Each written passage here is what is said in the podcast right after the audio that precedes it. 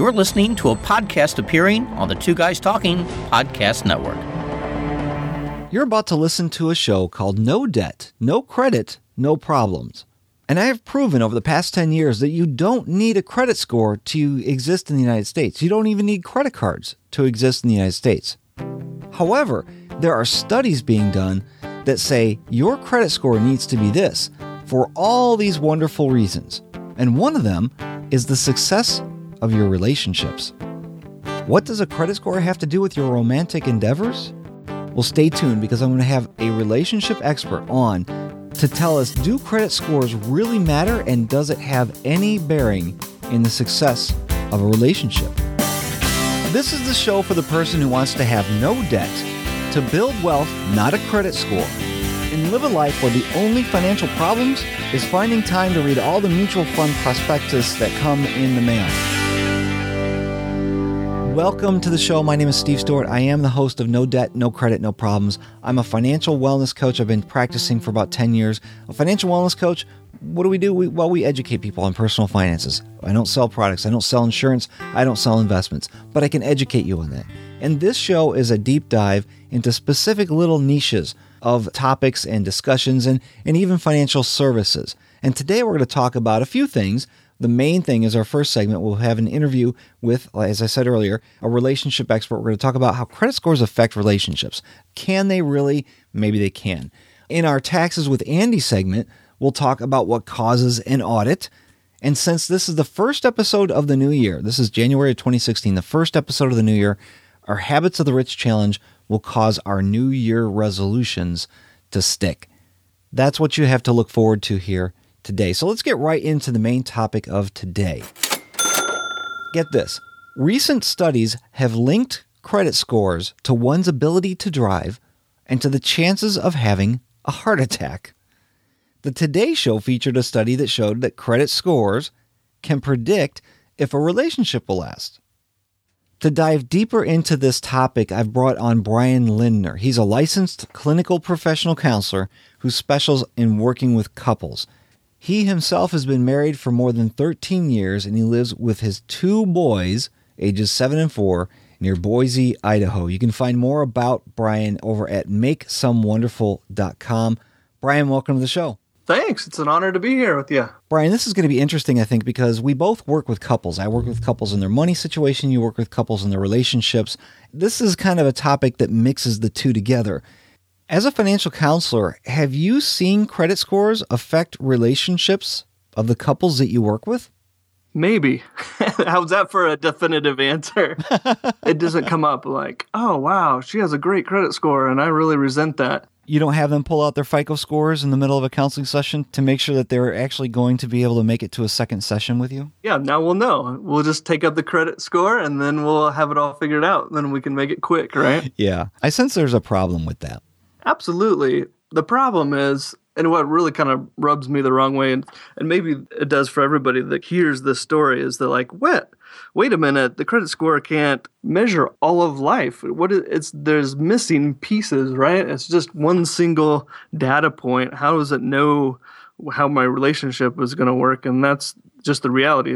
It doesn't know. Relationships as we know are vast. There's millions and millions of variables that relate to what make relationships work.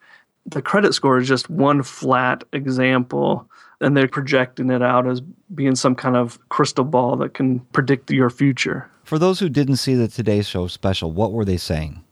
They were quoting this uh, study that couples and individuals with drastically different credit scores like say somebody has a really high credit score and your partner has a really low credit score that those couples are at a higher risk for divorce. I believe there might be some truth to that though. I mean, if you've got two people who are completely different in the way that they handle money, wouldn't that lend itself to saying, well, if this guy doesn't know how to pay his bills on time and he's dating a girl who won't let anything get unpaid within five days of the due date, you know, they're paying it early, then wouldn't that just kind of put a, a highlight on something that could be an obstacle for them to get over? The credit score, and the problem I have with it is that it doesn't measure everything. So it doesn't tell you why. It tells you what happened, like bills didn't get paid, but it doesn't say why that is or what happened in somebody's life to bring them to that score. Right. So there's no no kind of way to really uh know for sure what's going on without knowing the person and of course on my end of this argument you know there's the people who don't borrow money who have no credit score. So how does that factor into this? They don't even talk about that type of a personality. They're saying you got a good score or you got a bad score and that's going to dictate whether your relationship will last. Yeah. Well let's say that you do have a couple sitting down and that has been a discussion because they hear Susie Orman say something about FICO scores and it became a, a topic at dinner one night and they find out, well, I have a, a history of, you know, I have a student loan that I haven't paid on in two years. And the, the other partner is saying, whoa, whoa, whoa, whoa, that makes me very uncomfortable. How would you have that couple deal with that situation? It's a great example because that's one of the top reasons for conflict in relationships is discussing about discussing money and it's really as I like to point out it's about the emotion around the money and the emotion around the spending and the saving that really causes conflict in the relationship. Money is relatively neutral. There's nothing emotional about it until we get people involved and then it's highly emotional because it yes. impacts our values. And so that is really uh, where it comes down to in the couple. So I really start with having them unpack some of the emotions around um, their money, why it hasn't gone unpaid and why they're feeling uncomfortable with that. And so then once we get that kind of unsorted, then you can kind of start to connect the couple and they can figure out what to do um, logistically with paying their bills. Do you mind sharing us an example of one of the couples that you uh, have worked with where that situation existed? So a couple in my office had a money fight and it's not uncommon to have fights in, in session. And actually, I kind of encourage fighting in session cuz it kind of lets me know what their pattern is in their life and how they communicate with each other. We usually take the money fights and dissect it a little bit as far as their communication style, first of all, and how they're able to communicate about money. And I'm not a financial expert, but as a relationship expert, I really focus on how they're able to maneuver in the relationship with the emotions surrounding it. And then they're able to come together and say, okay, now that we're on the same page and then we're both calmed down, then it's really not too hard for them to figure out what direction they want to go with. Brian, what if you've got a couple who they don't talk about money at all? You know there's something there. They need to talk about it. One spouse needs to talk about it. We'll just say it's the wife but they're too afraid to bring it up with the husband. What would you suggest they do to get the conversation going?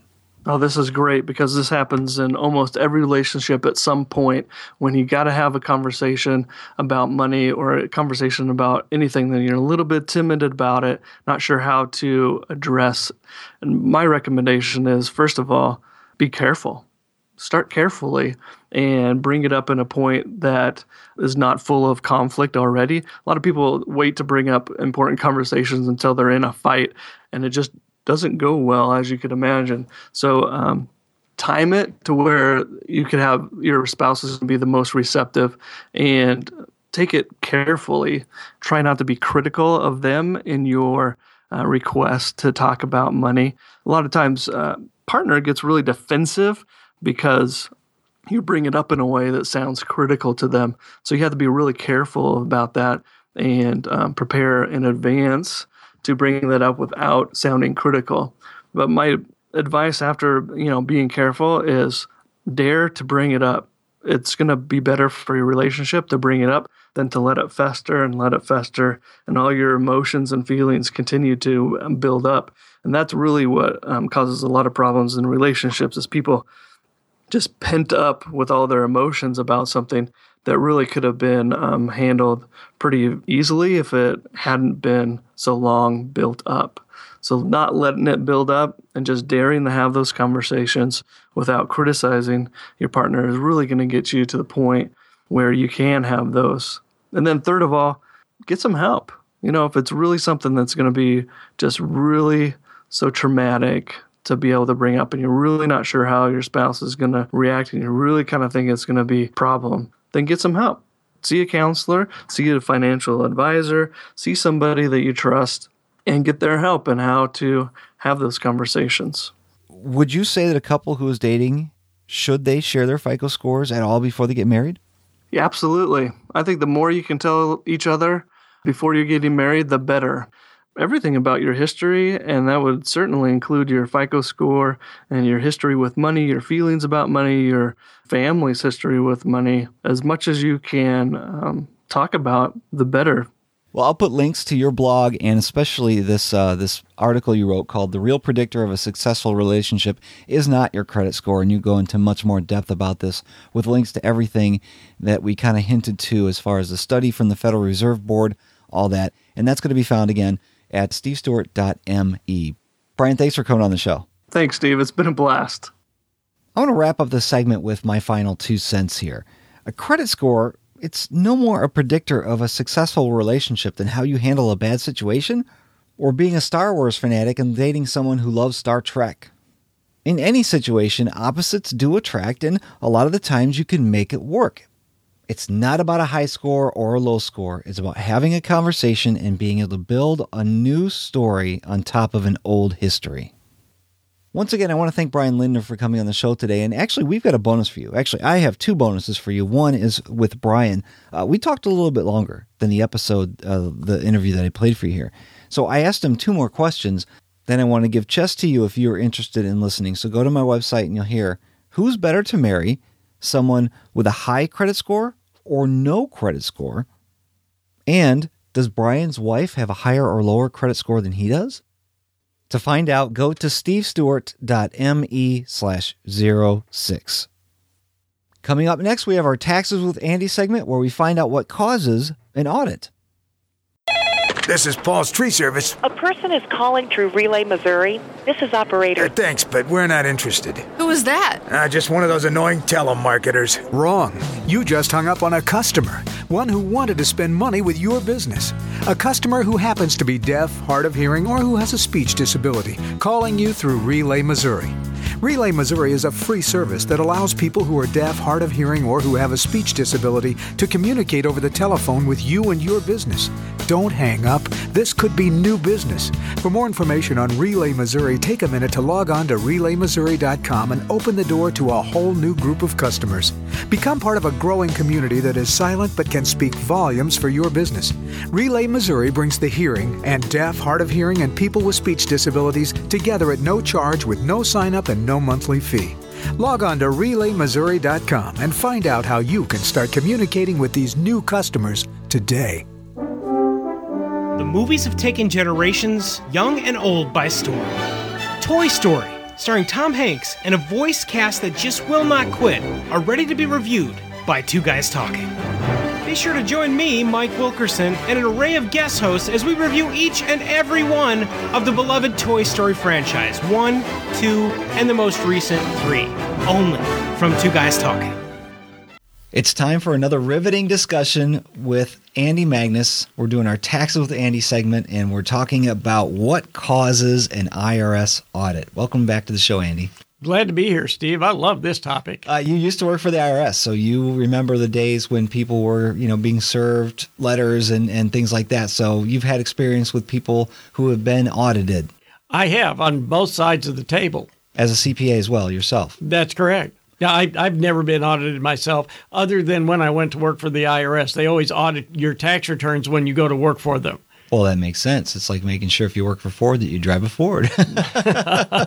Great. So let's talk about it. What causes an audit? What causes an audit is that well, let's first talk about the different kinds of audit because there's there's some different parameters there. Okay. Uh, there's the correspondence audit, and this is where you get the letter from the IRS, the one that you should open every time you get it. I I have had clients bring stacks of unopened IRS letters into my office thinking of course that the IRS can't hurt you if you don't open the envelope. Did you will, know that? and it will always will it always be a letter because we always hear about these scams, people getting emails. Is there ever the opportunity or the chance that the IRS is going to contact you in a different way No, there is a bunch of scams out there. They're, I've had clients call me and say, I got a call from the IRS today. The IRS will not call you uh, unless it's a collections matter. On an audit, they won't call you. It'll always come by the mail. Okay. They will not email you.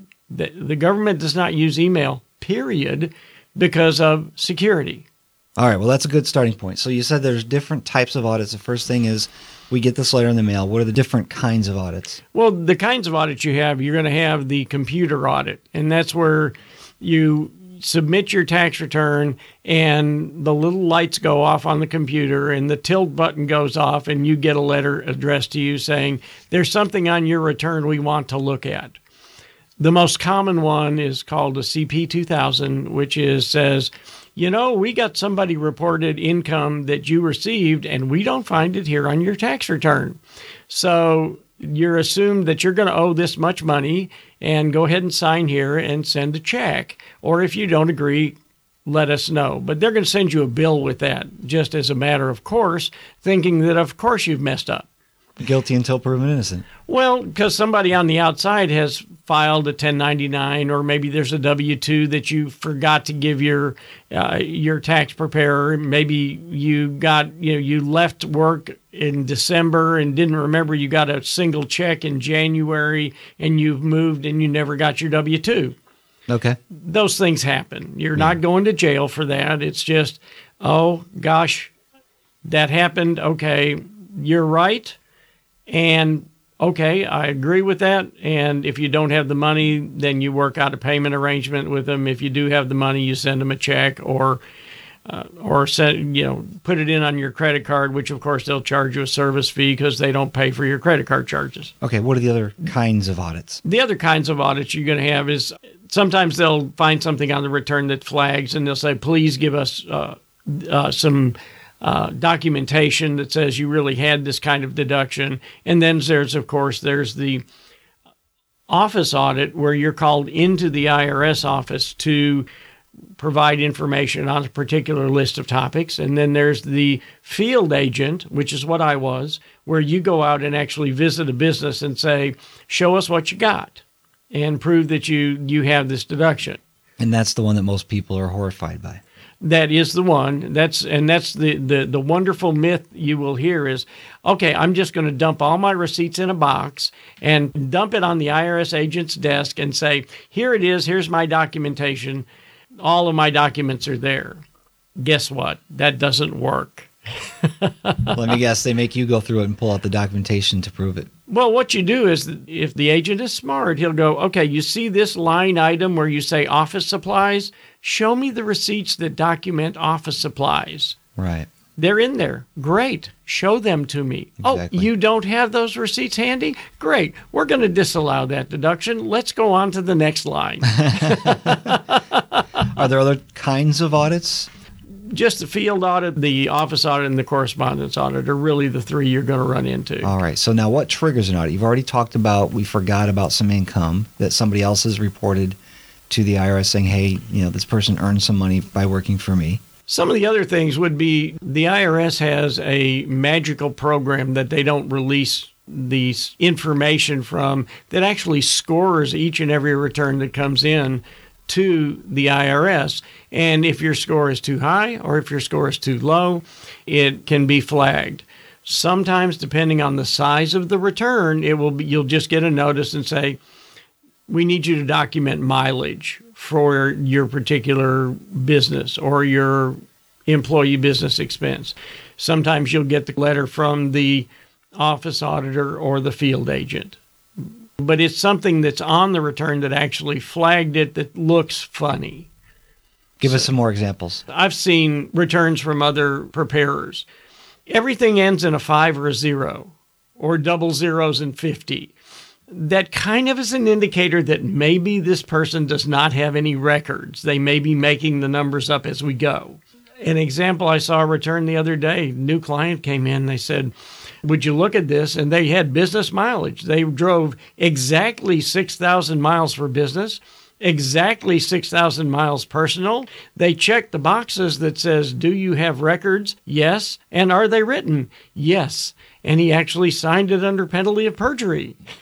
That's pretty uh, coincidental. That's oh, amazing. Isn't that amazing? 50 50 was, split. yes, exactly. What else are there uh, triggers? Uh, give me some more examples of what could trigger an audit so we can avoid them as, oh, sure. as individuals or businesses. Mm. Again, big numbers will frequently trigger audits. Uh, large donations can cause an audit.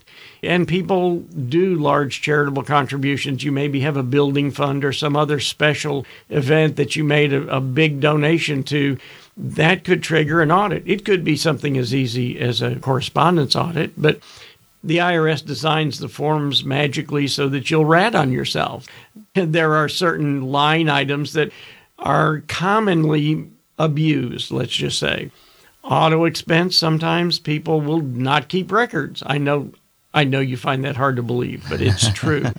and you know, meals and entertainment, travel, people go on vacations and go, "Oh wait, I'm going to do some business while I travel to Disneyland. And so, again, those particular lines can be audit triggers because the IRS knows from their research that, in fact, those are target areas that they frequently make changes. And there's one more type of audit that we didn't talk about, and that is the compliance audit and the IRS will take a random number of returns and they will audit every line on the return to create their statistical sampling to then create their programs that score all these returns.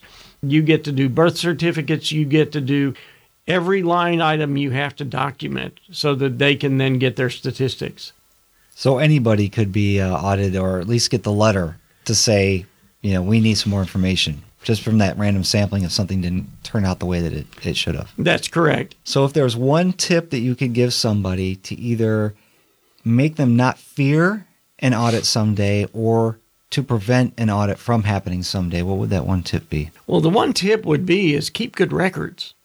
No matter what you have on the return, if you have records to document it, don't not take deductions just because it might trigger an IRS audit, or at least that's my advice to people. There are people who go, I don't want to do it if it'll even raise an eyebrow.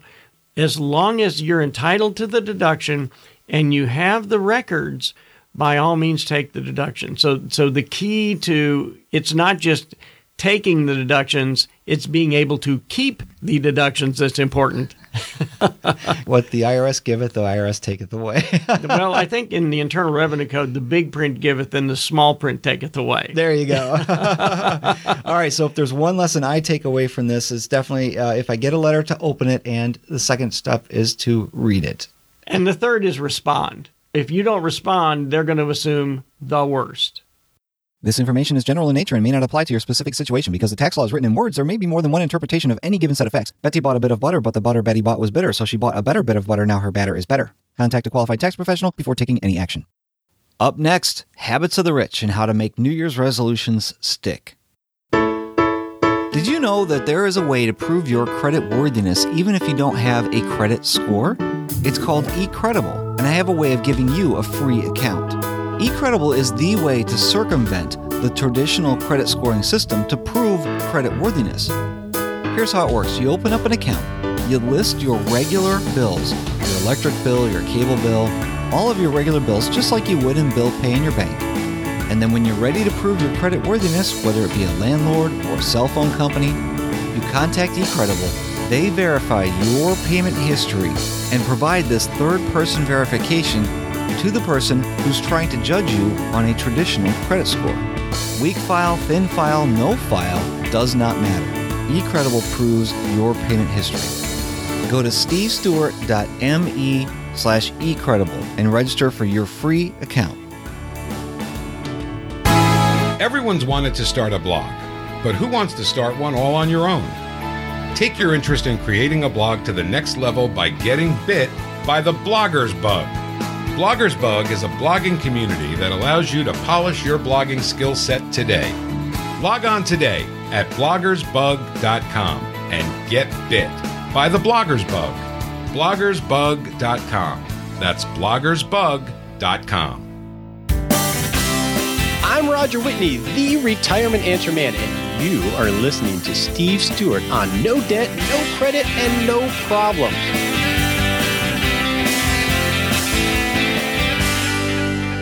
Tom Corley, author of Rich Habits, Rich Kids, and the soon-to-be-released book Change Your Habits, Change Your Life, knows that New Year's resolutions are really just wishes that we make to ourselves.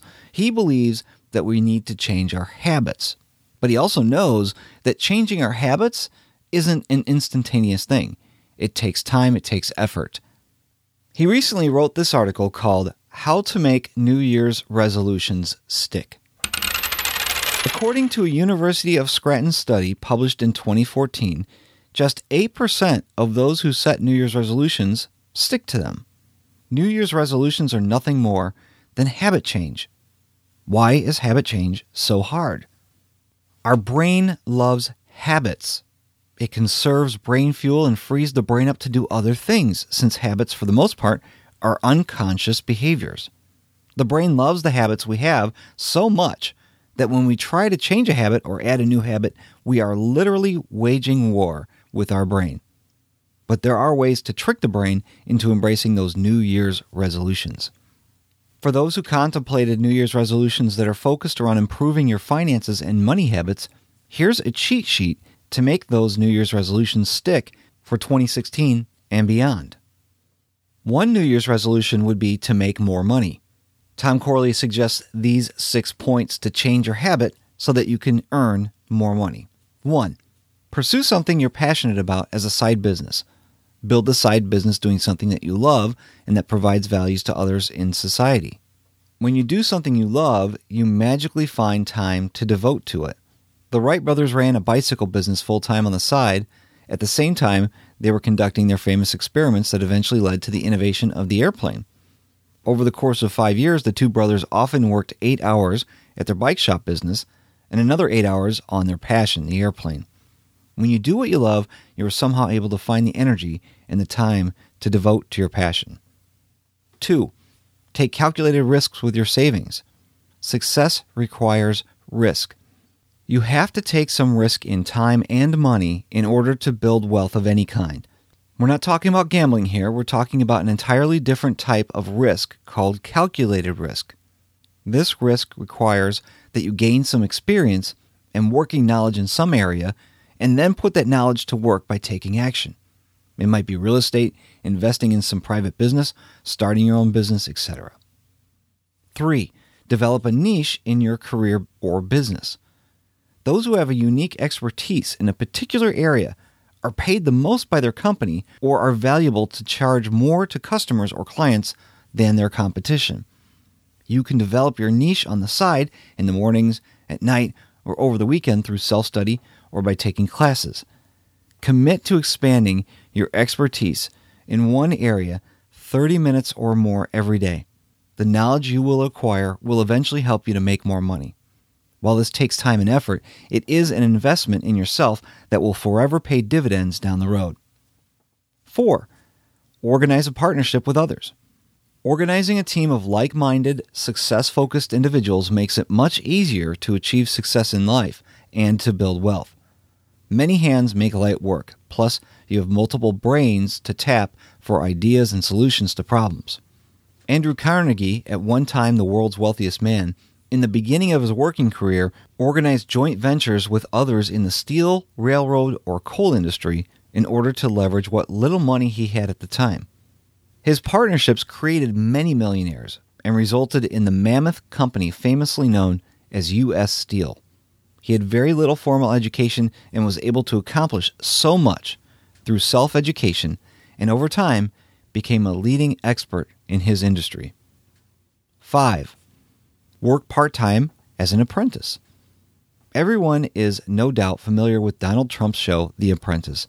The winners get a chance to work with and learn from the Donald. If you lack skills in an industry you think you'd like to work in, seek out a successful person in that industry and offer your services as an apprentice. This has a triple benefit. One, it enables you to learn from a mentor – Two, you can make some extra money. And three, it gives you an opportunity to test the waters and see if you actually like the work. If you don't, you can always quit and move on to something else. And number six, if you'd like to earn more money as your New Year's resolution, is to change careers. Those who make the most money in life put their own ladder on their own wall.